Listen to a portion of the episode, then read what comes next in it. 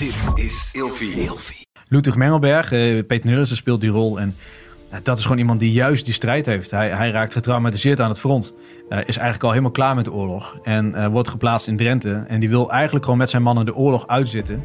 Eh, en zorgen dat zijn mannen het gewoon gaan overleven. Want hij ziet ook, er is geen endziek. Er is geen groot eh, einde met tanks en wat dan ook. Er is niets meer. Alles is op. De oorlog is gewoon, het is verloren. En hij wil overleven.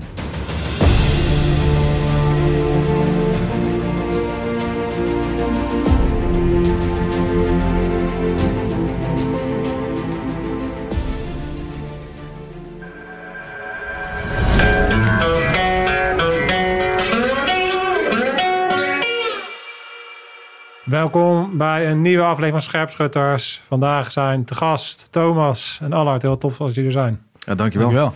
We gaan het hebben over grenzeloos verraad. Dat klinkt natuurlijk Yes. heel erg spannend. Uh, wat dat allemaal betekent gaan we zo meteen helemaal induiken. En eh, ja, misschien even heel kort. Willen jullie even voorstellen? Wie ben jij Thomas en wie ben jij Allard? Ik ben Thomas Nauw, eh 33 jaar en regisseur van de film Grenzeloos Verraad. Ik ben Allard Geerlings, ik ben vier, eh, 47 jaar oud alweer en ik ben eh, luitenant de Vries in de film. Luitenant De Vries. En jij bent ook eh, reservist geloof ik hè?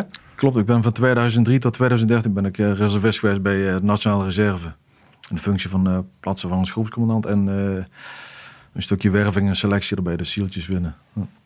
Kijk, eh, altijd belangrijk. Ik heb ernaar gekeken, maar dat was niks voor mij. eh. Nee. Het leek me in dat in het begin eh, was ik enthousiast om reservist te worden, maar ik heb dat niet eh, doorgezet.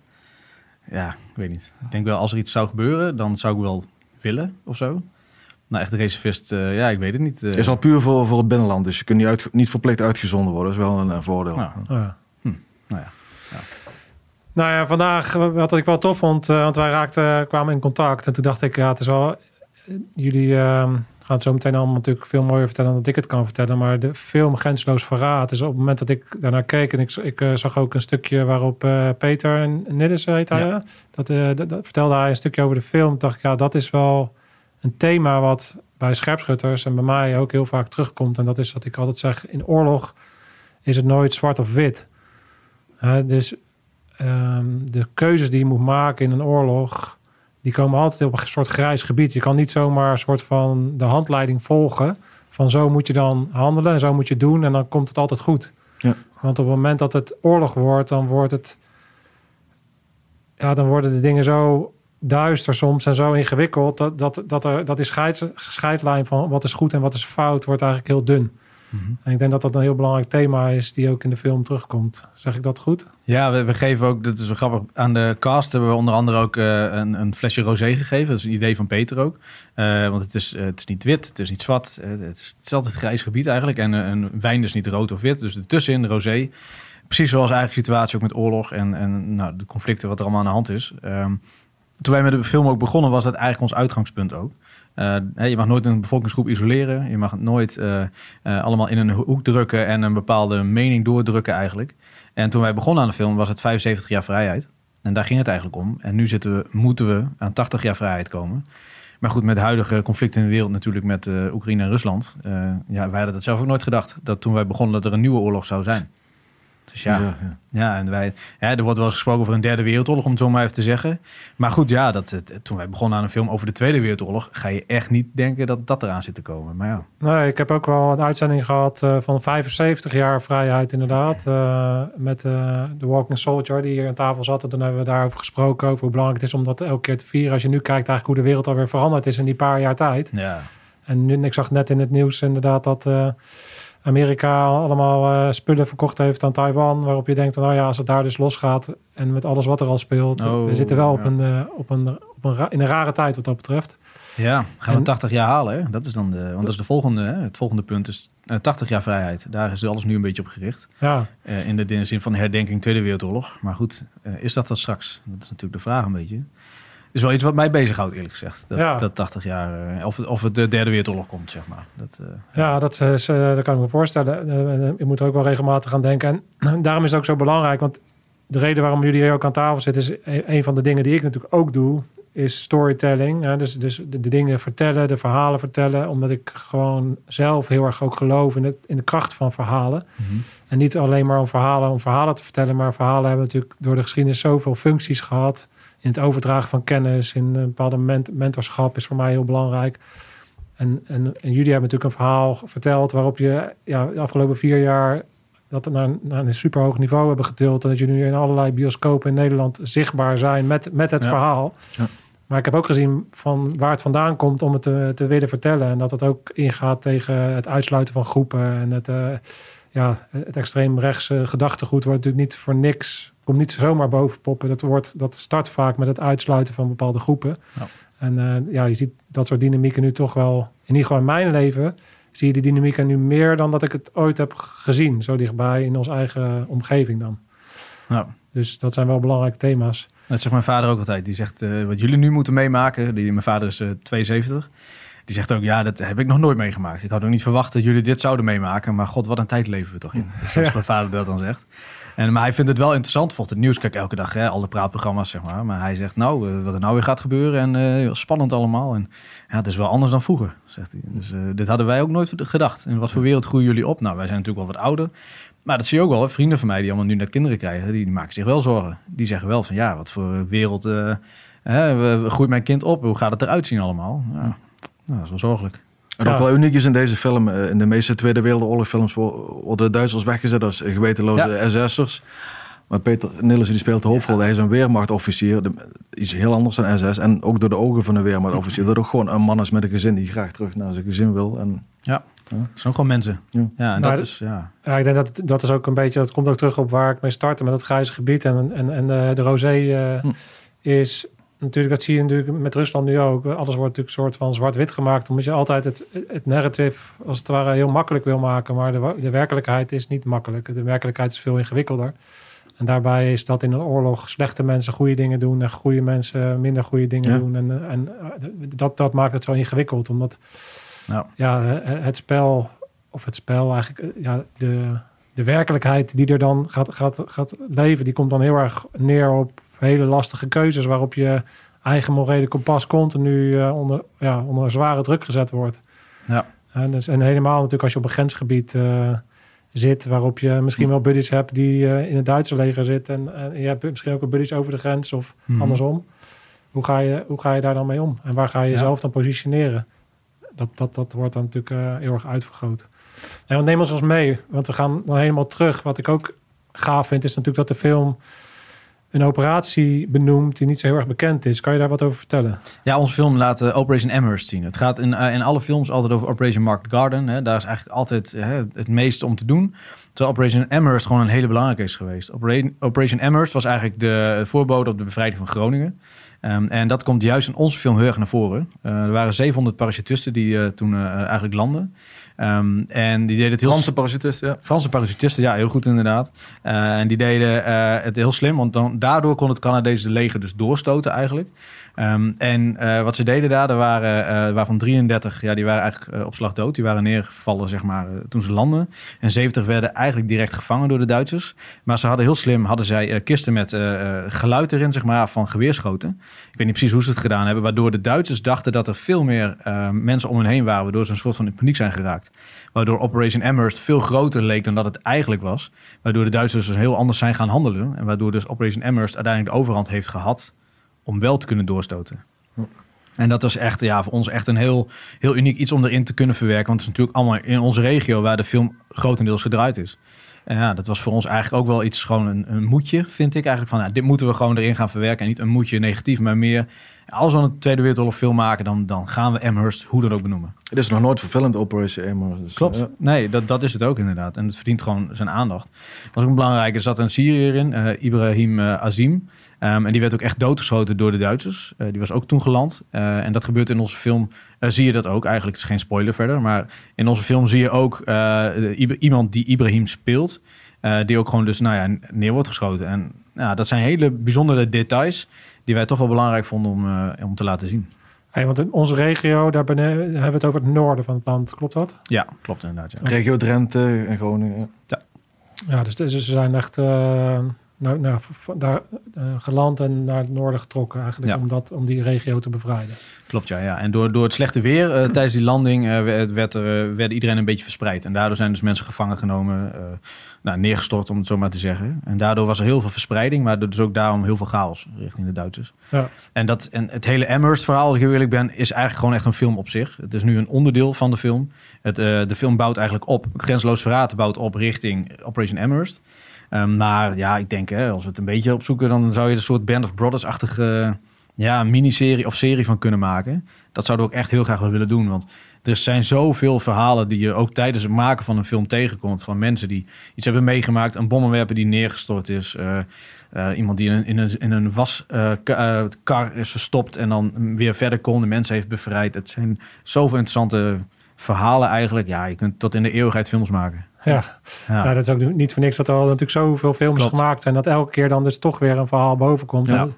Het, is natuurlijk wel gaaf dat je dan dus een Nederlandse film kan maken van eigenlijk een heel belangrijk stuk geschiedenis. Waarvan de meeste mensen dat waarschijnlijk helemaal niet kennen. ja, klopt. Want is, is, als je het kijkt ten opzichte van Operation Market Garden, is het eh, rond, rond dezelfde datum geweest? Is het dezelfde, weet je dat ongeveer? Ja, het was eh, 7 en 8 april in 1945. Dat Ja. was eh, die bevrijding inderdaad. Het was echt richting het einde van de oorlog. Dus het, was, het waren, ook, er waren ook heel veel mensen die eigenlijk nog heel graag wilden vechten. Ehm, de Fransen die waren er klaar voor, maar het leek al, nou, hè, de oorlog leek een soort van over. En die zijn dus allemaal toen ingezet, onder andere om te vechten. En die hadden dus echt nou ja, extra motivatie, om het zo maar te zeggen. En die waren helemaal getraind en die zeggen, we willen gewoon gaan vechten. Dus zijn echt met nou ja, 200% motivatie, om het zo maar te zeggen, het veld ingegaan. En ook on- ondersteuning van het eh, verzet, eh moet Ja. je niet vergeten. Die hebben ook Ja. eh, de Franse parachutisten behoorlijk Ja. geholpen. Klopt, ja, dat is een hele belangrijke. En Klopt. in dat verzet zat ook de Prinses Irene Brigade, een aantal mensen waar ik onderdeel van uitmaakte. aan. Ja, zeker. Ja, die rol speel jij onder andere. Hè? Ja. Ja, vertel eens wat meer dan daarover. Ik stuur eigenlijk de geallieerden aan. eh, en de operatie Amherst eh, gaat beginnen bij een opdracht die ik krijg van eh, Prins Bernhard. Ja. Eh, ja, en ik, niet te veel spoilers vertellen als je de film nog mocht Nee. maar- Nee, nee, inderdaad. Nou, we weten natuurlijk hoe de geschiedenis gelopen is, maar eh Amherst eh, slaagt uiteindelijk wel. Maar eh, Ja, ja, maar dat is ook niet het belangrijkste verhaal. Want wat, wat mij opviel is, ik ging even kijken en toen kwam ik ook een andere titel tegen. Klopt dat? Van de Ja. film. Ja, het vroeger- zijn ja. anders gestart volgens mij. Ja, Verraderlijke Liefde heet de eerste film, ja. daar zijn we ook heel erg aan gewend. Hè? Het was ook moeilijk om los te laten, eerlijk gezegd. Want we waren zo gewend aan die naam en iedereen noemde het verraderlijke liefde. Maar het heet nu Grenzeloos Verraad. En het heeft ook echt mee te maken dat het stukje liefde...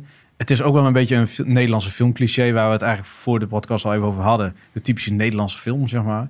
Ja, grotendeels liefdesverhaal is er eigenlijk wel uitgehaald. Er zit nog wel wat in, maar dan moet je de film kijken. Maar ja, de, het was er beter, want er is een regisseur bijgekomen, Dennis Bots, die eh, Gouden Kalfwinnaar ook. En die heeft eh, toen Dutch Filmworks de film van ons kocht, gezegd...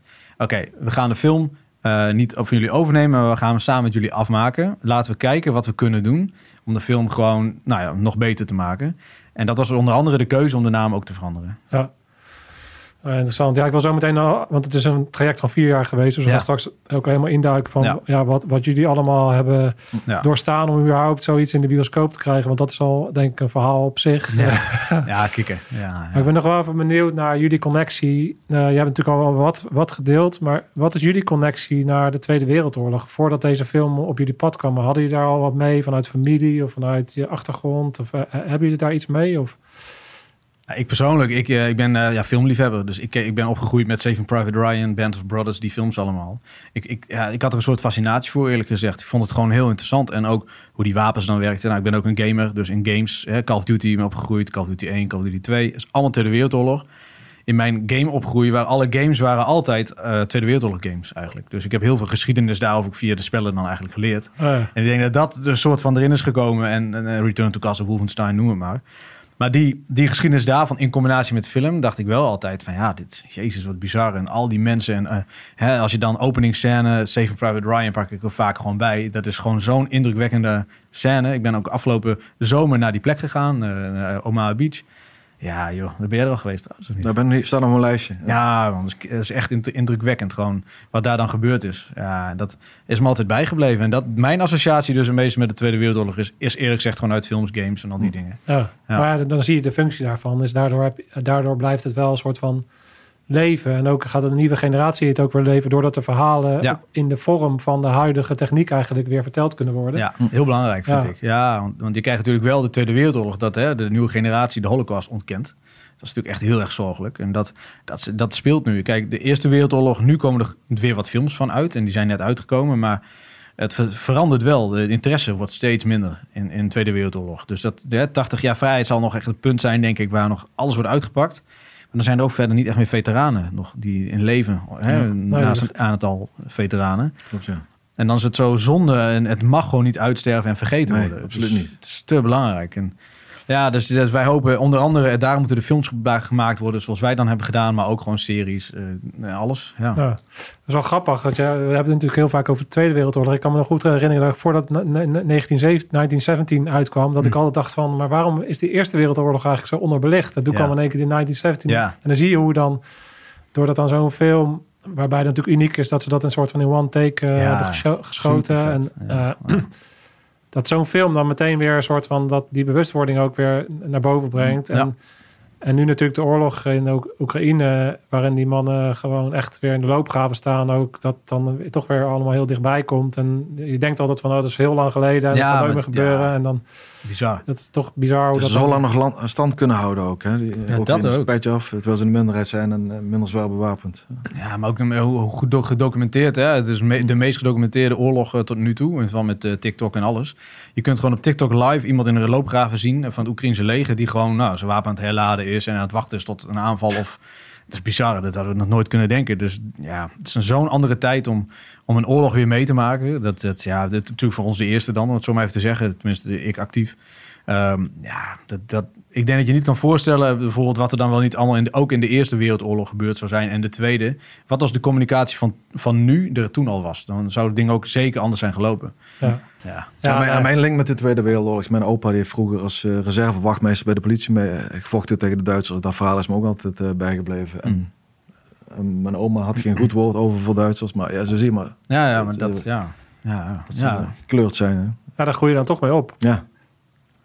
Ja, want dat, want dat, dat app dan ook wel weer weg. Maar je ziet toch wel dat de mensen die de oorlog hebben meegemaakt... inderdaad toch een andere blik hadden naar de Duitsers dan dat wij dat hebben. Laatst werd natuurlijk bekend dat nu natuurlijk allemaal... eh, eh, dat het Nederlandse leger voor een deel onder, onder de command Ja, klopt, van eh, ja. Duitsers komt te staan. En Ja. dan merk je wel dat er sommige mensen reageren van... ja, als mijn opa dat had gehoord, dan had hij zich in zijn graf omgedraaid. Ja, ja, Die ja. van mij ook, denk ik. Ja.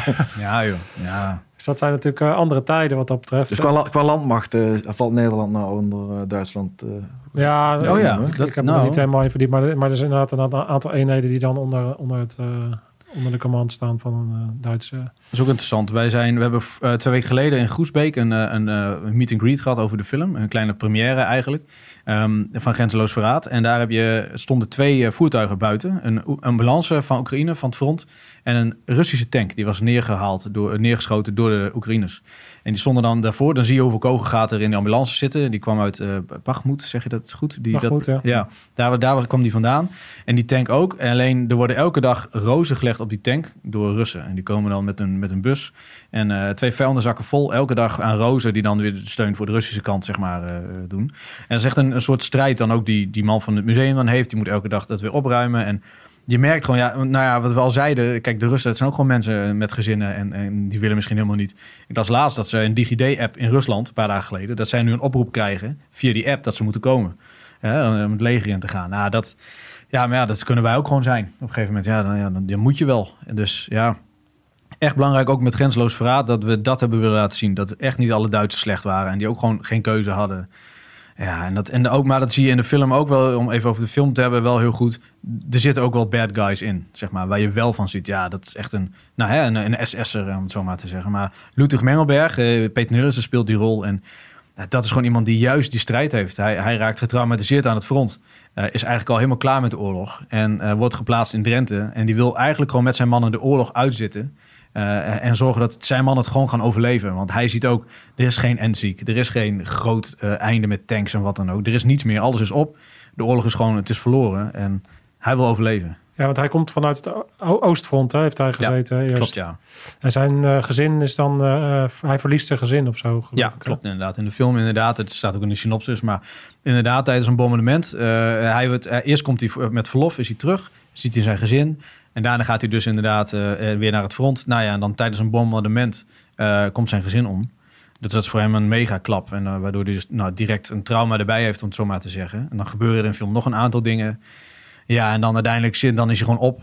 En dan eh, is hij dus in Drenthe, eh, wordt hij geplaatst. Nou, en dan vindt hij op een gegeven moment vindt hij dus een onderduikersrol met een aantal Joden. En daar moet hij dan bepaalde keuzes in maken. Ja, dan zie je toch de, de switch zeg maar, van een mens die, ja, hè, dat hadden wij voor, altijd voor ogen met de film. Eh zijn, blijft toch mensen. Ja, ja die, dat zijn natuurlijk ook de meest interessante verhalen van een bepaalde transitie. Hè, waarop je mee, mensen natuurlijk een bepaald beeld hebben over oorlog. Of op, met een bepaalde fanatisme ergens ingaan. Ja. Maar ik denk dat de meeste mensen die daadwerkelijk oorlog hebben meegemaakt... eigenlijk maar één ding willen. En dat is dat er geen oorlog meer is. Ja. Ja, En Ja. als je dan op een gegeven moment op dat punt komt, maar je, je blijft wel in die oorlog zitten, dan kan je heel goed voorstellen dat de keuzes die je dan gaat maken, moreel gezien, meer zitten op de kleine cirkel van invloed waarop je in ieder geval nog het gevoel kan hebben dat je de dingen doet die goed zijn, ondanks dat je misschien niet meer in het hoge goed van Hitler of zo dan Hmm. gaat handelen. Ja. Dan aan het begin van de oorlog, waarop je nog vol soort misschien van, ja, weet je, dit moeten wij doen en voor het vaderland en ja. dat je in, dus dan zie je ook, en dat, dat vind ik zo interessant aan wat er nu ook gebeurt, natuurlijk met alle algoritmes en wat ik ook zie gebeuren in alle comments en hoe mensen met elkaar bezig zijn de laatste twee, drie jaar ook. Hè, hoe dat steeds heftiger wordt wel en, en, en hoe mensen tegenover elkaar staan. Dat ik denk, ja, iedereen zit zo, praat zo vanuit zijn eigen framework. Ja, ja. En dat framework is eigenlijk altijd maar tijdelijk. Want het, is een, het framework wat je hebt is altijd opgebouwd vanuit ja, de dingen die jij aanneemt voor waar eigenlijk. Hè? En, dat, dat gaat, en dat wordt steeds minder gecheckt. Dus het is ook allemaal maar eigenlijk een beetje loszand. Mhm. Iedereen zijn framework is eigenlijk maar loszand. En daarom zeggen wij ook vaak, niets is wat het lijkt. Dus, dus probeer juist dat eigen framework te- ten alle tijden eh, een soort van in twijfel te trekken eigenlijk. ja, ja. En, en dat, is, dat is natuurlijk interessant aan zo'n film. En dat je dan dus die transitie van iemand hebt die in de oorlog aan het begin eigenlijk een andere man was en andere dingen deed dan later in de oorlog. Ja. Zeker. Ja, en daarom is echt, als je de film ook gaat kijken, het draait nu dus nog in de bioscoop op dit moment, de- dat stukje verraad, dat is ook gewoon heel belangrijk. En ja, daar moeten we natuurlijk niet veel over zeggen, maar Oh, dat komt ook erg naar voren. Hoe, hoe dat stukje verraad ook in, in, eh, in goed en kwaad, hè, wanneer mensen bepaalde keuzes gaan maken. Ja, dat toch altijd eh, en- uiteindelijk de ik in de persoon er toch tussen zit. Van ja, als ik het maar goed heb, dan, zomaar, en dan de rest zien we wel. Ik wil eerst overleven. En ja, zulke dingen komen ook voor in de grensloos verraad. Ja. Ja. Ja. Nou, ik ben, eh, ben heel benieuwd. Dus iedereen die zit te kijken moet vooral zelf gaan kijken. Want jullie, even tussendoor, want jullie film draait niet overal. Volgens mij. Het is ook wel Klopt. vooral in het noorden en Ja. het oosten. En ik zag Ja. in Rotterdam wel. En het zuiden en, en, zuiden en twee bioscopen. Ja, Eh, nou hebben ze het programma ook wel aangepast. Volgens mij deze- week Klopt. maar een, een één bioscoop op één dag. Ja. Ja, het, het, het, het- het probleem, om het zo maar even te zeggen, er komen heel veel films uit. En er zijn heel veel mensen die graag een plekje in de bioscoop willen. Grensloos Verraad, Tweede Wereldoorlog, doet het eigenlijk altijd wel goed. De film doet het ook heel erg goed, eh, als je kijkt naar de bezoekersaantallen. Ehm, alleen de, eh, er komen zoveel films uit. We hebben nu een andere grote film, Black Lotus onder andere. Ehm, er komt Ook van nu- Dutch Filmworks. Ook ja. van Dutch Filmworks, inderdaad. Er komt nu nog een Tweede Wereldoorlog film uit, ook van Dutch Filmworks. Ja, ehm, dus die moet allemaal een plekje hebben. En we gaan nu wel richting 4, 5 mei.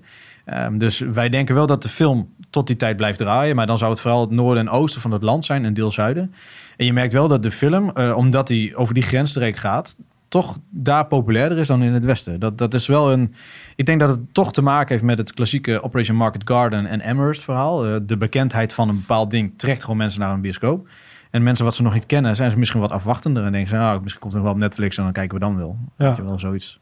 Ik denk wel dat het goed is geweest. Onze film heeft natuurlijk eh, vertraging gehad. Uh, Grensloos Verraad heeft vertraging gehad door corona. Wat eigenlijk goed is geweest, want er kwam natuurlijk een andere grote film uit. eh, Slag om de Schelde. Oh ja. Een film van 14 miljoen. Wij hadden drie ton budget, max, zeg maar. En die, en die film kwam wel in corona uit. En na de dag van de première was er weer een lockdown.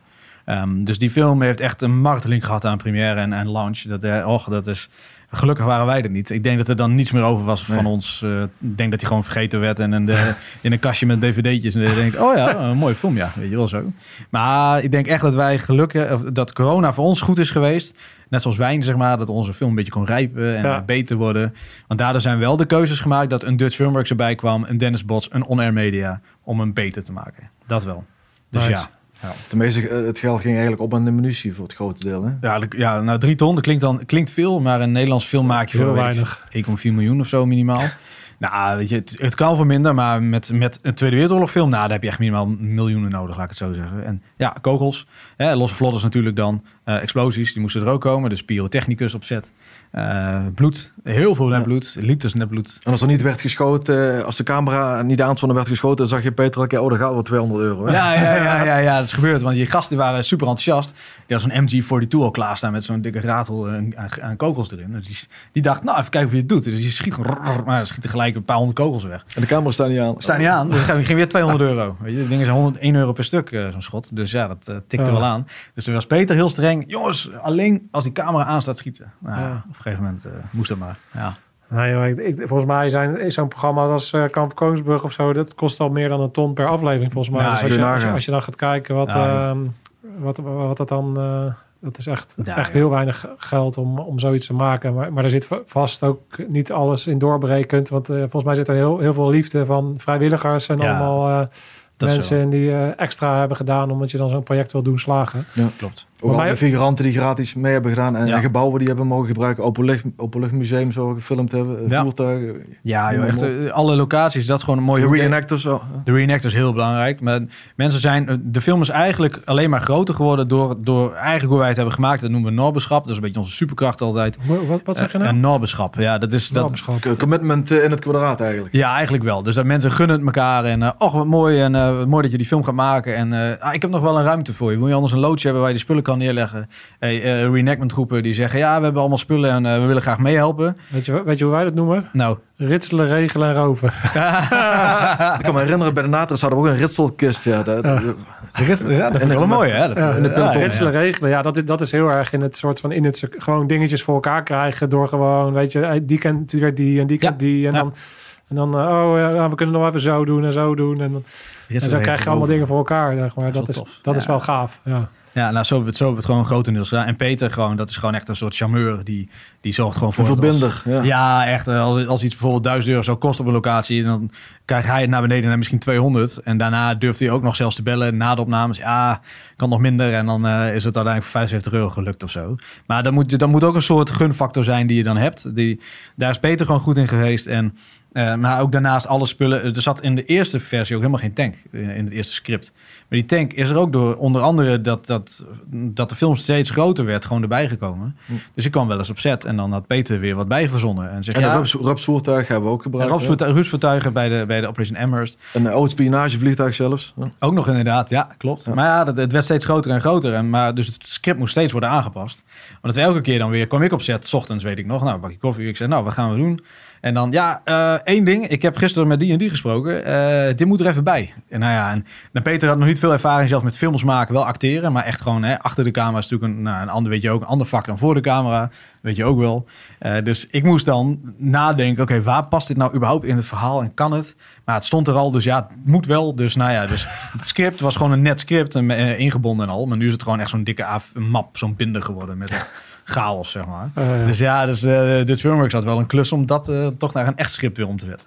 ja. Het wa- Je had drie, meer dan drie uur aan beeldmateriaal volgens mij. Hè? Er is nog Ja. anderhalf uur van overgebleven. Nou, beeldmateriaal, ja, meer, meer de film duurde 3,5 uur eigenlijk. In onze, ons, na, na dat script wat eeuwig door ging groeien, zeg maar. Dat was eigenlijk de film van het begin tot eind, met echt een begin en einde. Alleen ja, zoveel onnodige scènes uiteindelijk. En zoveel scènes die er gewoon uit zijn geknipt, wat echt zonde was, eerlijk gezegd. Kill Your Darlings. Kill Your Darlings, ja, dat is regel 1 als je, hè, onder andere regel 1 als je films maakt. Kill Your Darlings en eh, ja, op een gegeven moment moet je het loslaten. Ja, één ding Ja. wat ik wel, daar, dat is een beetje nerdy, maar want jij hebt natuurlijk al heel veel zelf gedaan. Je bent er ook mee gestart, maar dan, daarom is het denk ik ook wel belangrijk dat je bijvoorbeeld eh, een scheiding hebt tussen eh, degene die het regisseert en het eh, eigenlijk maakt en degene die het edit. Ja, zeker. Omdat je dan iemand hebt die met een frisse blik en die geen emotionele binding heeft aan de Klopt. scènes, zodat je echt Ja. het verhaal centraal stelt in plaats van ja, maar ik heb een of andere vette explosie. eh, Ja, ja, die, moet, er- die moet gewoon in de Die film. Ja, maar Ja, er zit past een het paar, ook. Ja, precies dat. Zit echt een paar explosies niet in. Die waren echt super tof. En er kwam er zo'n auto aan met allemaal soldaten erachter. En dan op afstand stonden met zo'n bommetje, klik, boom. Dat zit er gewoon niet in. Achteraf denken we wel, jammer. Maar ja, het past ook gewoon niet in het verhaal. Ja. En daarom hebben we heel bewust, toen de film af was, Dutch Filmworks heeft het gekocht. Die is erna gaan kijken. Wij zijn verder gaan monteren met eh Even in de Landmeter, een oud studiegenoot van mij. Die heeft er echt een film van gemaakt. Nou, filmmontage is echt wel een vak. Dus die heeft echt alle scènes helemaal opnieuw bekeken. En die heeft een soort basis weer neergelegd. En toen zijn we uiteindelijk naar eh on air gegaan samen met de Filmworks. En die heeft hem helemaal afgemaakt. Ze zijn weer opnieuw begonnen. Er zijn inmiddels vier versies van de film. En die hebben hem na 88 minuten kunnen krijgen. Om echt het essentie uit alles te halen. En denk van oké, dit hebben we nou echt nodig voor de film. Dit zegt echt een verhaal. Dit vertelt echt een verhaal. Ehm, met dus een paar plot twistjes toegevoegd uiteindelijk nog door Dutch Filmworks. eh, met eh, Dennis Bots om, ja, om de film wel beter te maken. Ja. Ja. Nee, want neem ons eens even mee. Want we hebben nu eigenlijk een beetje gehad over, nou ja, eigenlijk in het algemeen hè, films en, eh, over, over oorlog en over de operatie Amherst en het belang van geschiedenis en hoe je verhalen kan gebruiken. En we hebben ook wel een beetje nu gehoord van wat een gro- groot project het is. Maar kan je ons als meenemen naar het begin? Want jij bent ergens, ben, jij bent eerder bij het project gekomen dan jij, denk ik. Hè? Ja. Ja. Ja. ik denk, eh, ja, wanneer ben jij erbij gekomen? Na, ik denk, waar we aan het draaien toch, of niet? Of was je... Eh, ja, vijf jaar geleden zoiets op de set van uh, Liarbird. Een film moesten Peter en ik samen vuur, een vuurpeloton vormen voor, voor een acteur. Oh ja. Toen zei Peter, ik heb een scenario in mijn Ah, ja, hoofd. eh, en, Ja, daar was je er al vroeg bij. Want, want zo is het bij mij ook gegaan. En het begint al met... Ik zeg bijna altijd overal ja op. Omdat ik denk, ik zie wel waar het, waar het strandt. Ja, Ja. Dit is dus extreem geëscaleerd, zeg maar. Alleen dan positief. Eh, maar Peter, die... eh, dat is heel mooi.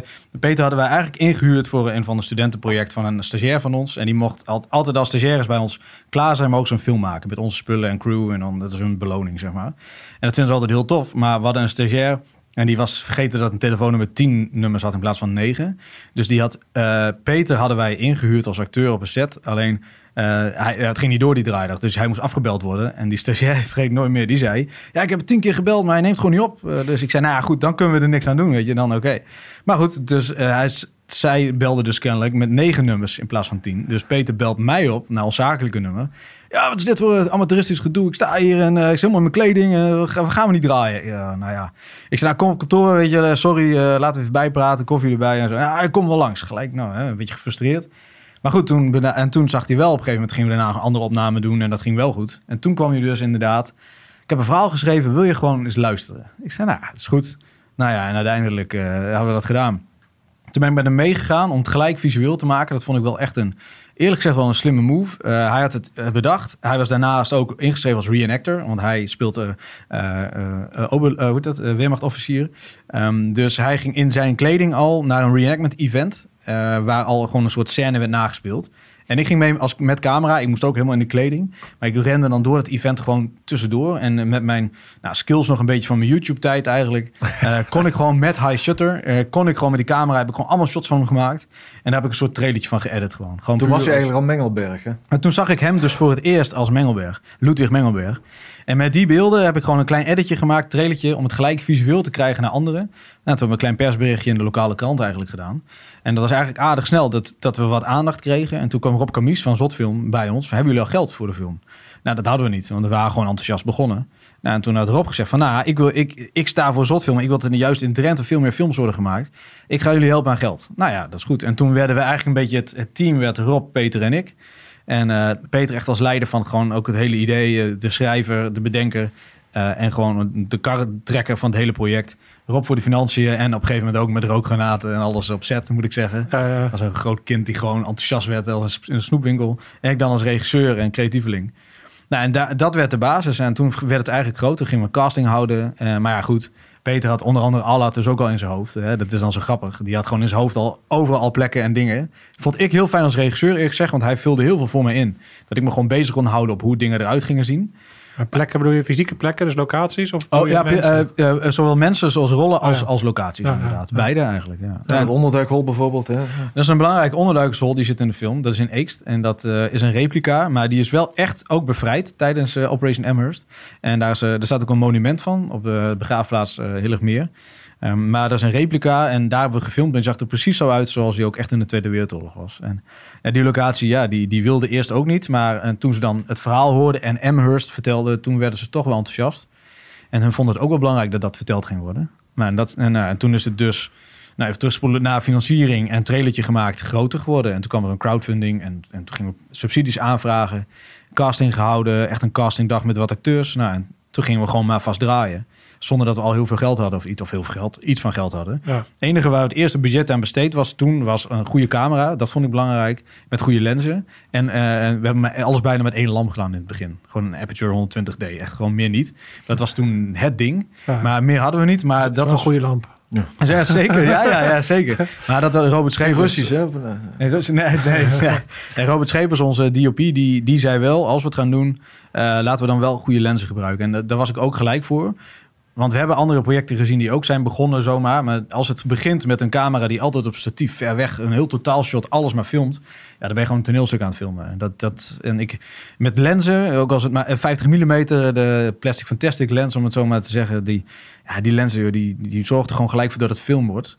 En, en gelukkig hebben we die keuze al gemaakt. Want toen we daarmee begonnen, zagen we direct de eerste shots op locatie. Dachten we, boah, dit gaat wel mooi worden. Dit, eh, nu hebben we misschien toch wel iets in handen.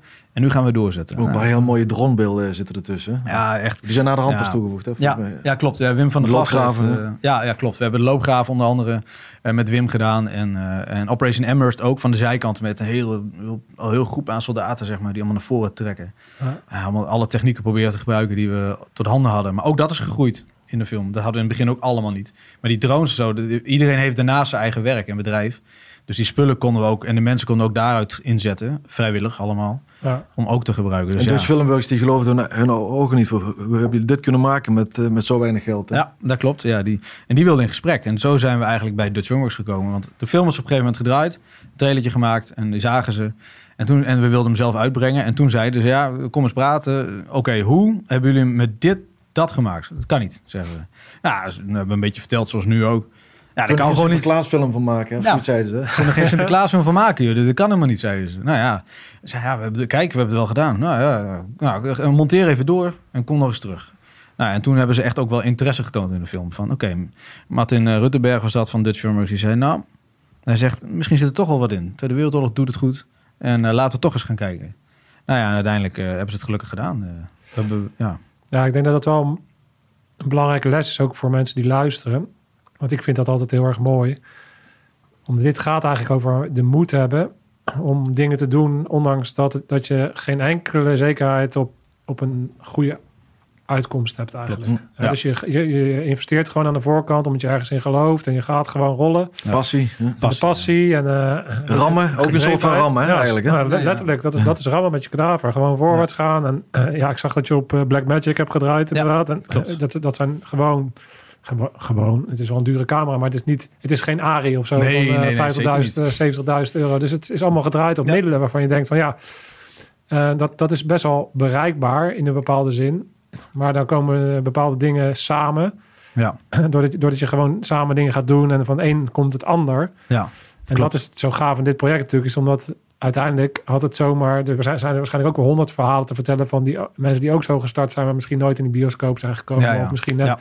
Dus het is wel heel gaaf om, dat, dat je nu natuurlijk kan kijken van ja, maar die poster die hangt gewoon nu groot Ja, in het, eh, in, Kicken, in het hoor. paté. En, ja. ehm, maar ik vind dat wel belangrijk om te zeggen dat eh, voor iedereen die zit te luisteren en ook va- vaak de podcast kijkt, ik, ik zeg ook altijd ja, ik spring liever gewoon en dan kijk ik daarna wel of mijn parachute goed zit. ja ja, spreken. ja, niet, niet letterlijk doen, niet- maar ik Nee. meer van. Nee. Zo, zo ben ik ook als ondernemer begonnen. Iedereen aan het begin van, toen ik met Hellshooter, nou daar kennen wij elkaar een kennen we beetje elkaar van. van. Ja, zeker. Toen ik daarmee begon had ook iedereen zoiets van, ja dat gaat je nooit lukken, dat kan helemaal niet. En wat wij deden kon ook helemaal niet. Want Nou, financieel, eh, qua verdienmodel was het ook, zou iedereen, iedere zakenman zou daar naar kijken en denken, dat, dat kan helemaal kan niet. uit, hoe krijg je dat? Maar ja, toch draaiden we. precies. Toch kregen we het voor elkaar en werd het ook steeds beter. Zelfs Ja. winstgevend en eh, alles erop en eraan. Ja. Dus ja, ik heb daar gewoon altijd veel bewondering voor. Dat je, dat, eh, dat je de moed hebt gehad om dat dan eh, te doen. Ja, dankjewel. Ja, Ja. we zijn gewoon maar begonnen. Ja. We hebben ook nooit, het belangrijkste, we hebben nooit gedacht, we gaan geld verdienen met deze film. Dat doen we ook niet, hè, om het zo maar te zeggen. Want eh, ja, als je hem verkoopt, dan, eh, dan je bent je rechten kwijt, om het zo maar te zeggen, als onderdeel van de deal. Maar dat vonden we totaal niet erg. Want of we hadden ervoor gekozen, heel eigenwijs, van ja, we gaan hem zelf houden en wat dan ook. Wij hebben gewoon gezegd, dus filmworks, doe ermee wat je wil. Breng hem uit. We we zijn al lang blij dat het het grote publiek gaat bereiken. Dat Ja. vonden we het belangrijkste. Want dan 4,5 jaar werk. hè. 4,5 jaar gebeurt veel. Hè, een coronapandemie, een oorlog gestart. Mensen verloren. eh, eh, een broertje overleden in die Ja. tijd. Heel heftige dingen. Dus had je nooit voorspeld, zeg maar, eh, toen we eraan begonnen. Maar dat is wel echt iets wat in ons allemaal eigenlijk wel zit. Die bij betrokken is bij de film. Gewoon doen. We zien wel waar het schip strandt. En weet je, kan, morgen kan er weer iets gebeuren. Waarom, je- er zijn honderd redenen om iets niet te doen. Maar het was daarnaast ook gewoon de ervaring. Want ik bedoel, ik vond het zo uniek dat ik gewoon op een set stond met allemaal gewoon soldaten, zeg maar. En explosies en wat dan ook. Nou, dat is toch iets waar je als jonge regisseur nog van droomt. Zeg maar, denk, wow, en dat, dit was gewoon die kans. En, en waarom zou ik het niet doen? En, eh, en had ik, nou, en wat had ik anders gedaan in die tijd? Denk ik ook wel eens. Had ik dan op zaterdag ja, Netflix gekeken, op de bank gelegen, ik, eh, met, met mijn vrienden koffie drinken in Emmen, eh, om het zo maar even te zeggen. Of ga ik gewoon op filmset staan en kan ik, daar kan ik later nog wat doen, hè, als ik ooit Hm. oud mag worden. Dan kan ik misschien nog wel hè, even naar de kring lopen en naar het goed, eh, weet ik veel, en naar de bibliotheek en eh, een beetje zo'n leven. Ja. Maar nu, eh, man, ja, genieten joh. En ik, oh, ik had het nooit willen missen. Ik als- ook niet. Het, eh, Nee, toch? het was voor mij een stukje rijden vanuit het zuiden iedere keer. Maar Ja, ja, ja, elke, ja, elke ja, ja. cent waard. eh, Moest qua van ons komen. Ja, ja, ja. ja. Ja, want ehm, ja, je noemt het een beetje en passant, maar eh, volgens mij werkt hij ook nou samen met je broertje. Eh, Nee, dat is mijn andere broer. Ik heb met, met mijn broer inderdaad een compagnon. Dat is, een- dat is mijn compagnon in het bedrijf. Maar ik heb Oh. nog een broertje gehad. oh, Inderdaad, maar die, heeft, eh, die is nu vorig jaar overleden. Kreeg kanker. Toen, hij is 31 geworden. oh. Echt verschrikkelijk hoor. Echt, in 2016 mijn moeder verloren aan kanker. En mijn vader heeft kanker. Dus we zitten heel erg in die... Ja. ja, dus we leven al heel erg... We leven altijd al een beetje met... eh, en ik heb een zus gehad, die, die is eh, overleden aan reuma. Dus ik, we leven heel erg met verlies altijd. Dus Ja. ik- sinds ik geboren ben, eh, was mijn zus overleden. 2006 mijn vader hoorde ik dat hij ziek werd. We dachten dat hij er al lang niet meer zou zijn. En zo is dat steeds opgeschoven. En in de tussentijd dan nog mijn moeder en daarna nog mijn broertje. We hebben zoveel klappen gehad, waardoor wij heel erg... Ik, ik ga ook echt niet denken dat ik oud word, weet je. Elke dag is een bonus, laat ik het zo zeggen. Zo voelt, zo voelt het echt. Dus alle tijd die ik heb, wil ik gewoon maximale uithalen. En dan, ja, weet je, dan vind ik het gewoon zonde om dan niks te doen. Om, om dan maar niet zo'n kans aan te pakken. En daarom ook zoals deze podcast, gelijk ja zeggen. Vet, gaan we gewoon doen. Waarom niet? Ik had zo'n Ja. idee, ik, ben- hey, ik ga Mark benaderen. Hier moeten wij... Ja, dat is eh, gewoon tof, weet je. Tuurlijk, maar ja, ik Oh, luister het dan zelf toevallig ook. Maar Ja. dat je dan die kans krijgt om in zo'n podcast terecht te komen, dat is gewoon een kans, weet je. Dat moet je gewoon aanpakken. Dat is toch gewoon tof, weet je. Ja. Ja. Ja. mooi dat je dan eh, van iets wat natuurlijk verschrikkelijk is, eh, dat je dan toch daar iets van maakt, waardoor je Ja. weer positief eh, energie krijgt voor jezelf en de Ja. mensen om je heen. Ja, Dat zeker. is wel wat gek. Zeker. Ja, mijn vader zit ook in de film. Dus dat is ook een, Oké. eh, die heel klein, heel klein rolletje heeft hij. Was ook wel een onderdeel van de onderhandeling met zo'n Dutch Filmworks. Hè. Wat zijn je eisen nog? Wat wil je erin houden? Of wat dan ook. mijn vader moet erin blijven. Je mag alles wegknippen. Allah moet erin blijven. Hè. Ja, zeker. En mijn vader, die moet gewoon in. En die heeft een heel klein zinnetje of zo. Maar dat, eh, dat vond ik belangrijk. Oh, dat, eh, ja. En ook de première was eh, vrij emotioneel. Het was in, in de M in het Allas Theater. Ja. 800 man of Ja, 700 man. ja, 800. Ja, ja. Daarna een staande ovatie. En, en Peter ging op zijn knieën op het podium. Ja, Ja. dat ging met een merg en been. dat, ja, die was zo dankbaar. Hij zei, ik ga voor jullie op de knieën. Want dankzij jullie, want het is echt zo. Met die hele zaal, een grote deel waren namelijk de cast, crew, vrijwilligers. Iedereen die er maar ook in. Duitsland, de Duitsers waren er Alle ook. Duitsers. Door hun, met hun hebben we die film kunnen maken. Anders had het, was het nooit gelukt. Dus alleen maar dank en lof naar hun juist. Ja. Ja, ja. Ja, vet. Ja, want in, dat- in dat eh, traject, hè, want ehm, zijn er ook wel eens momenten geweest dat je jezelf voor je kop hebt geslagen en gedacht hebt van, man, man, man, man, dat, wanneer- waar ben ik aan begonnen? Ja, man, zo vaak. Want Ja? als ik, nou, ik heb dus momenten gehad dat ik echt, nou ja, ik- we hadden dus mensen die dan eh, vrijwillig op set waren. En dan, dan had je op vrijdag bijvoorbeeld, zat ik dan met het team. Nou, wie gaan er morgen mee? We hebben weer opnames voor de film. Ja, ik heb voetbaltraining, ik heb verjaardag, eh, dit en dat. Dus ja, ja shit. Maar de, en dan bel ik Peter en zeg, nou ja, we hebben cast staan, eh, vijf man. nou, het gaat wel door.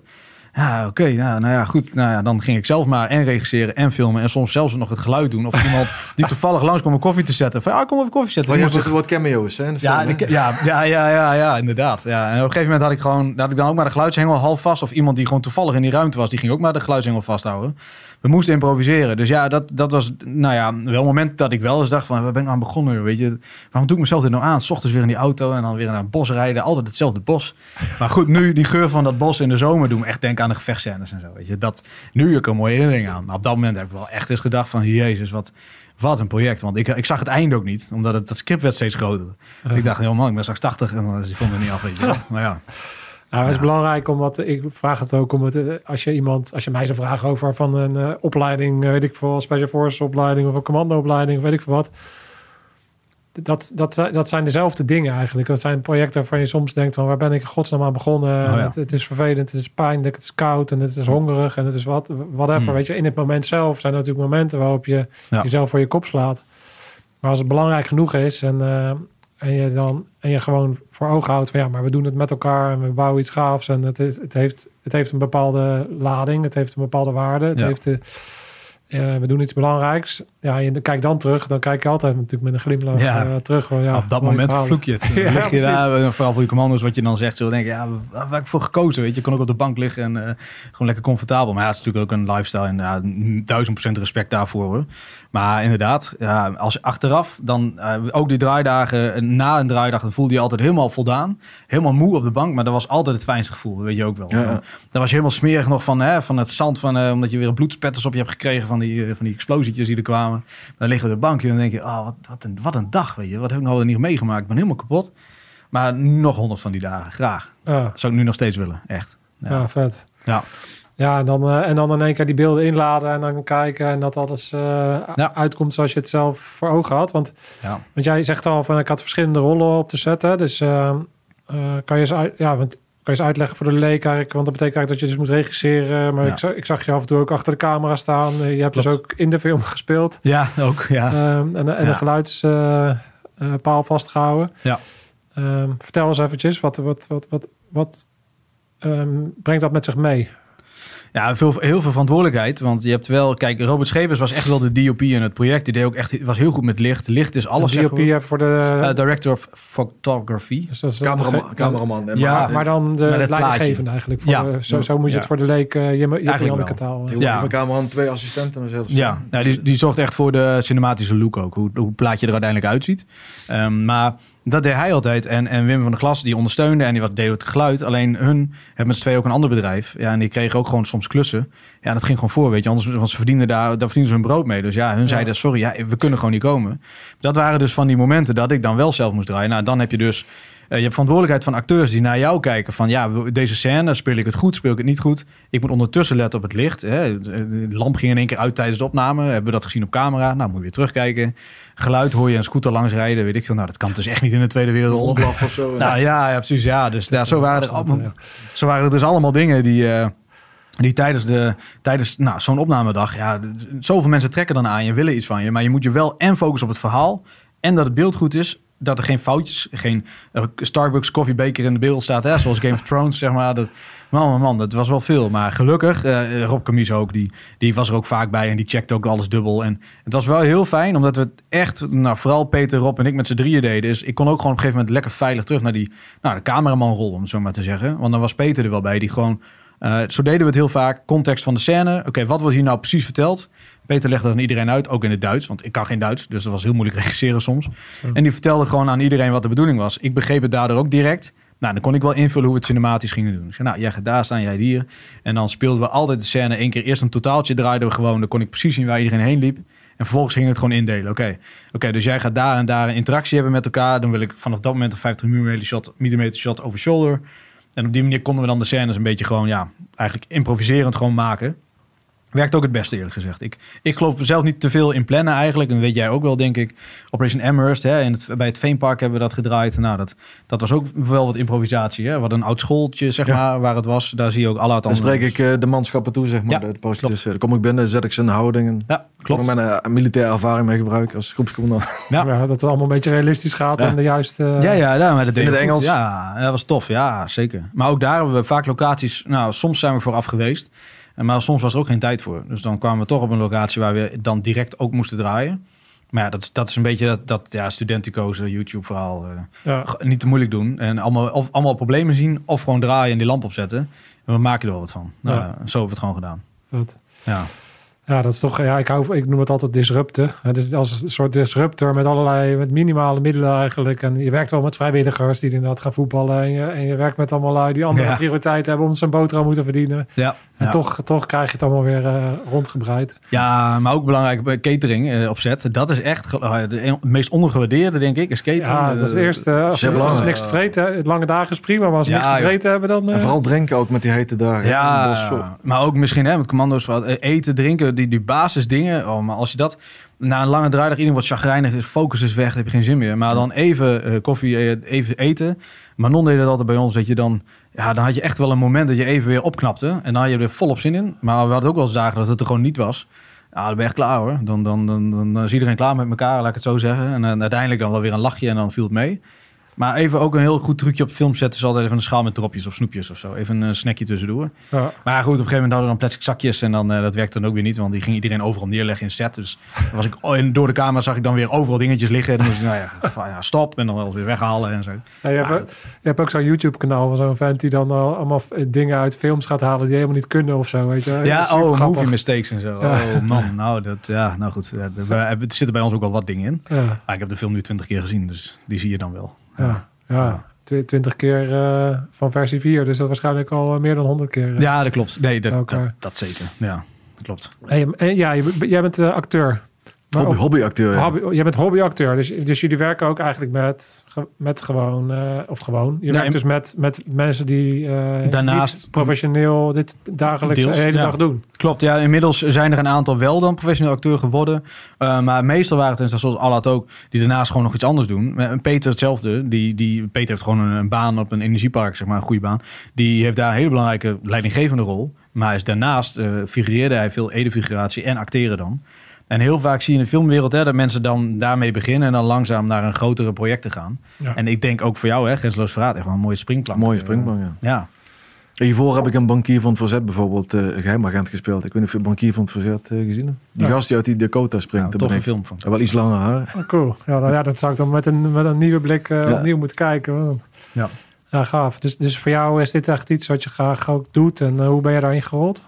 Ja, elf jaar geleden ben ik begonnen bij eh Flik in Maastricht als eh, politieagent. Samen met eh, Angela Schijf en eh, Victor Renier eh, pandjes binnenvallen. Dus, en, omdat ik een wapen eh, te hand kan nemen door mijn, door mijn militaire ervaring mocht ik dan mee.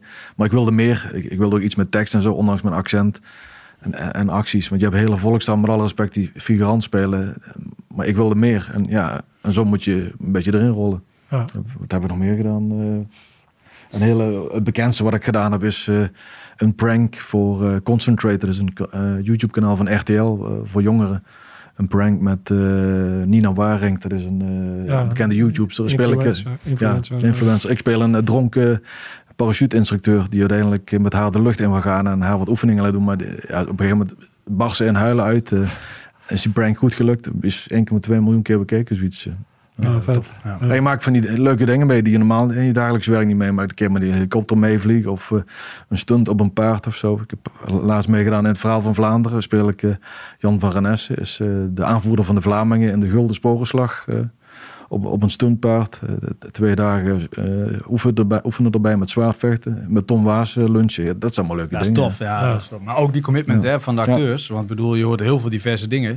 Ze hadden ook kunnen besluiten tijdens de film bijvoorbeeld... als iemand een heel dragende rol heeft te zeggen... ja, ik kan niet meer, ik heb een, een grote rol gekregen, waar dan ook. Nou, er was echt wel een kans dat ze in één keer niet meer bij onze productie waren. Omdat ze dan natuurlijk daarvoor hadden gekozen. Dus gelukkig ook het commitment wel weer van die acteurs allemaal. Die toch wel gewoon ervoor zijn gegaan. Die ook alle weekenden weer naar ons toe kwamen. Hm. Ja, dat, dat is wel echt, denk ik... eh, nou, Allah had ook. Met ook onze, al- vaste, onze vaste cast. Ja. Ja, zeker. eh, Berit, eh, Kai, ja, dat... eh, Dirk, ja. Dirk zeker, Dirk Gunther, ja, zeker. de, de SS'er. Ja, ja ook heel goed. Smerige rotkop heeft hij Dat eigenlijk. is, dat is de SS en Dirk Gunther Ja? mooi. Ja, dat is, speelt die rol gewoon heel ja, goed. goed hoor. Dat lijkt me wel het mooiste om de bad guys te spelen. Niet Ik heb er ook een keer in een oorlog, Engelse oorlogsfilm heb ik een gemene SS'er eh, mogen spelen. Heb ik een eh, scène met eh, de hoofdrolspeelster, zij is uit de Hunger Games. Maar na de hand zag ik dat ze mij gedubt hadden. Oh. Dus ik voelde me echt zo'n een beetje Dave Prowse, die wat Darth Vader heeft gespeeld. Die op de première met Star Wars erachter kwam. Dat, dat, ze, dat, dat, die- nee, niet teruggeknipt, maar gewoon zijn stem was helemaal een, eh, gedubt. Toen kwam hij Ja. op de première Oh. dus achter. Ja. Ja, ja, mooie, mooie verhalen. ja. Ja, dus je hebt eh, de, de ambities om eh, groter te gaan en eh, daar dit echt vast te pakken. En, eh, Ja, ik denk dat het bij een hobby blijft, maar eh, ja, ik wil wel steeds meer. Dat wel. eh, ja. ja. het is natuurlijk Nederland, dus je moet ook dan het kans eh, krijgen en, en, en iets kunnen natuurlijk. maar ja, je hebt nu wel heel veel ervaring opgedaan, denk ik. Ja, Ja, zeker. zeker. Heel goed Ja. gedaan. Zeker. Dus eh, Ja, joh. ja, het gek joh. Hey, wat, een, eh, wat een avontuur, want ehm, ja, wat, wat is het traject nu? Want jullie hebben dus de première al gehad. Mhm. Ehm, hoe, hoe was dat moment voor jullie? Want je gaf al aan dat Peter eh, van dankbaarheid Knieën. op de knieën viel. ja, joh. Hoe was het moment voor jullie? Om, om, om, om dat dan te zien. En Ja, dat was, ja, weet je, je, voor het eerst je, je, je film, onze film, op het grote doek, op het witte doek, in een theater. Dan hadden Atlas Theater, eh, we vonden een theater beter passen, ook qua aantal plekken. Want omdat er dus zoveel vrijwilligers waren. Mhm. En ook wij, familie en mensen die allemaal wilden komen. Ja, het was uitverkocht. Het was echt een rammetje vol. Echt gewoon mensen nog op half op de trap gezeten om te kunnen kijken. En dan zie je die film gewoon voor het eerst in volledigheid gewoon op dat scherm. Nou, en daarna, toen die film was afgelopen, joh, ja, het was een avond die vergeten we nooit meer. Moest zeggen dat staande- een traantje had gepinkt. eh. ja, man, staande ovatie. Het was echt, eh, het was echt, echt zo tof. En, en ook een stukje ontlading van, hè, hè, weet je, we hebben, we hebben die eindstreep wel gehaald. Want de film werd ook maar uitgesteld en uitgesteld. Op een gegeven moment ben je ook niet meer geloofwaardig, weet je. Dan lijken wij weer die partij die gewoon eh, met de crowdfunding er vandoor is gegaan, om het zo maar te zeggen. Want daar kwam er niet uit. En elke keer weer, ja, wanneer komt hij nou? Elke verjaardag waar hij kwam, ja, komt die film nog een keer uit? Of, eh, maar eindelijk was hij gewoon af en mensen zagen eindelijk echt een volwaardige film. Echt een product. En waar wij ook allemaal van voelden van, ja, dit... Ja, dit, dit is beter dan we nog hadden gedacht. Toen we ermee bezig waren, dachten we al wel, wat zijn we aan het doen? Maar nu we deze film zien, denken we, ja, shit, dit hebben we gewoon wel even geflikt, ja. weet je wel. Ja, gaaf. Meer. die druk van crowd. Ik heb uh, Hellshoot ook met crowdfunding opgericht. Oh. Dat geeft een druk, omdat je dan natuurlijk, ja, je belooft eigenlijk iets wat je nog Ja. niet hebt. Ja, ja, ja. Oh Ja. man, dan heb Ja. je toch, je hebt echt die druk van, eh Ja, je moet dat- er gewoon komen. Dus stoppen kan ook. Je bent op een gegeven moment op een punt van, ondanks dat je soms denkt, waar ben ik aan begonnen? Je moet door blijven. rollen. Ja, Ja, er ja. komt een punt, wat je, er is een point of no return. Je, je moet gewoon door. Ja, dat hebben we ook gehad. Ja, ja, ik kreeg ook wel eens privé nog berichten via LinkedIn of zo. hey, ik heb eh, twee jaar geleden geïnvesteerd. Eh, hoe gaat het ermee? Ik hoor maar niks. Ja, shit, weet je. Dan denk ik, ja, ik- was maar een tientje, maar goed, hè, er zit een beloning aan vast. En eh, dan denk je, Ja. Shit. Maar de crowdfunding site Cinecrowd is inmiddels is er niet meer. Dat heet nu alles voor de, eh, voor de kunst of zo. Dus, dus de gegevens van dat Cinecrowd verhaal wa- waren er ook eerst niet meer. Dus om dat weer terug te halen, was ook een heel traject geweest. Ja, echt, er zit een proces achter, joh. Maar ja, goed. Wel dankzij hun ook hebben we de film wel kunnen maken. Ja, Dus ja. ja dat, is, dat is toch soms eh, een eh, machtig middel eigenlijk voor dit soort projecten waarop Ja. je de gunfactor wel hebt, maar soms niet eh, de grote jongens misschien die kunnen investeren of willen investeren. Klopt. Of, ja, je, jullie hebben natuurlijk in Natura heel veel gehad, van Ja. terrein tot nou ja. Ja. het Ritselregel circuit. Ja, Ja. eh, ja. Nalpenschap, ja, ja, zoals wij het zeggen. Ja, 100%. Nee, dat, dus- dat maakt het ook makkelijker, denk ik. In, in de zin van dingen moeten. En eh, we hebben wel eens gemerkt vroeger met andere producties... als je een locatie in het westen had gewild bijvoorbeeld... dan betaalde je gelijk 5000 bam per dag voor die locatie. Een supermarkt was het toen. Ja, weet je, dat is gelijk zo'n zo'n killer al op je budget. Dat je denkt, ja shit, weet je, dan, dan, als, dan gaan... Ik ben bang dat je dan ook dingen gaat draaien om het maar te draaien... omdat je dan daar toch al bent. En ook als het niet goed genoeg dat je dan denkt... nou ja, we, moeten, we hebben al voor betaald, laten we het maar, maar gewoon afmaken. Ik denk dat dat ook wel weer een risicootje is of zo. Maar ja, op een gegeven moment natuurlijk, als je groter gaat, kun je niet anders. Uh, maar ja, met de ervaring die we nu hebben opgedaan, ja, zouden we ook wel weer anders gaan plannen en veel kortere periodes draaien. Want we deden het dus alle weekenden steeds. Dus er zit elke keer, dan start je op in het fantasie of in het, in het wereldje, een universum van Grensloos Verraad. En dan breek je weer af. En dan ga je weer iedereen naar zijn baan toe. En dan ga je weer terug. En dan ga je weer in het wereldje van Grensloos Verraad. En je gaat weer terug. Nou, dat, dat was wel op een gegeven moment wel lastig. Uh, Ja. Het fijnste is alles in één keer achter elkaar draaien natuurlijk. Maar ja. Nee, ja, vet. Eh, Ik vond het heel gaaf om jullie, eh, om jullie verhaal zo ehm, eh, te horen. Ik ben nog even benieuwd naar... Nou, het is allemaal begonnen. Hè, dus je hebt eigenlijk een persoonlijk, persoonlijke drijfveer gehad om het te starten. En daar zit een soort groter belang omheen. Mhm. Wat jullie allemaal gevoeld hebben. Ik ben even benieuwd van jullie allebei van... In hoeverre zijn je persoonlijke drijfveren uitgekomen? En had je het, als je nu teruggaat in de tijd, weer, wederom ja gezegd? En waarom dan? En, eh, en wat hoop je dat het voor effect heeft, deze film, nu die, nu die draait? En eh, kan je daar wat over zeggen? Nee, Als je mij vraagt, eh, ja, mijn persoonlijke drijfveer, eh, de- rol neer te zetten van, eh, van die eh, commandant van de geallieerde troepen, dat, dat is volgens mij wel redelijk gelukt. Maar het grotere plaatje dat, dat het mensen aan het denken zet van, eh, wat eerder gezegd is, het is geen goed of kwaad. Op een gegeven moment maken mensen beslissingen eh, om toch nog iets goed te kunnen doen wat een andere, andermans ogen verkeerd is. Ja. Ja, als je mij vraagt, zou je het opnieuw doen? Bijvoorbeeld, ja zeker, duizend procent. Ook, ook al zou het helemaal weer gaan, precies zoals nu. Nou, ervaring om nooit te vergeten, überhaupt een film maken, dat, dat is gewoon tof. En eh, gelijk een Tweede Wereldoorlog film, dat, is gewoon kick. En, en, en dat je dan ziet dat het werk wordt beloond door anderen Dutch Filmworks die geïnteresseerd is, omdat ze gewoon zien, natuurlijk de kwaliteit, maar ook de passie die erin zit, dat dat kennelijk loont. Ja, dat, dat is het al. Net zoals mensen dus nu ook twijfelen om nou, bij de commando's te gaan of iets te gaan doen. En ik, ja, nou, ja, ik weet niet. Gewoon doen, weet je. Ik zeg altijd, het is heel cliché, maar you can better try and fail than fail to try. Dat is echt de meest basisregel voor mij ook altijd. wat, wat is het ergste wat er kan gebeuren? Oké, het, het kan misgaan, heb je, maar heb je het wel geprobeerd. En dat voelt altijd beter dan dat je altijd praat over... Ah, als, ik dat, ah, als ik het zou doen, dan zou ik het zo en zo doen. Ah, had ik maar dit gedaan, had ik nou maar dat gedaan. Gewoon doen. En dit avontuur, je ontmoet zoveel mensen. Ja, het is gewoon een soort familie op zet, zeggen we ook altijd. En dat is ook wel weer jammer, want dat is natuurlijk afgelopen nu. Maar ja, goed, wie weet eh, komt er een volgende film. Dus ja. Ja, deel 2 sequel. Ja, dus, nou ja, ja, Ja. nou ja, goed. Nou ja, dat, dat, is, eh, dat is de mentaliteit van het rammen met je kadaver. Dus eh, Ja. dat is te gek, te gek om te horen. Ja. Ja, en ik, wil, ik hoop dat iedereen die nu zit te luisteren dat ook voelt. En ook voelt wat voor een passie erin is gegaan. En als je de film nog niet hebt gezien, ga dan gewoon naar de bios. eh, boek het kaartje. Want het is niet alleen maar dat je een gave film gaat kijken en dat je een leuke avond uit hebt. Maar je steunt ook nog eens een keer gewoon Zeker.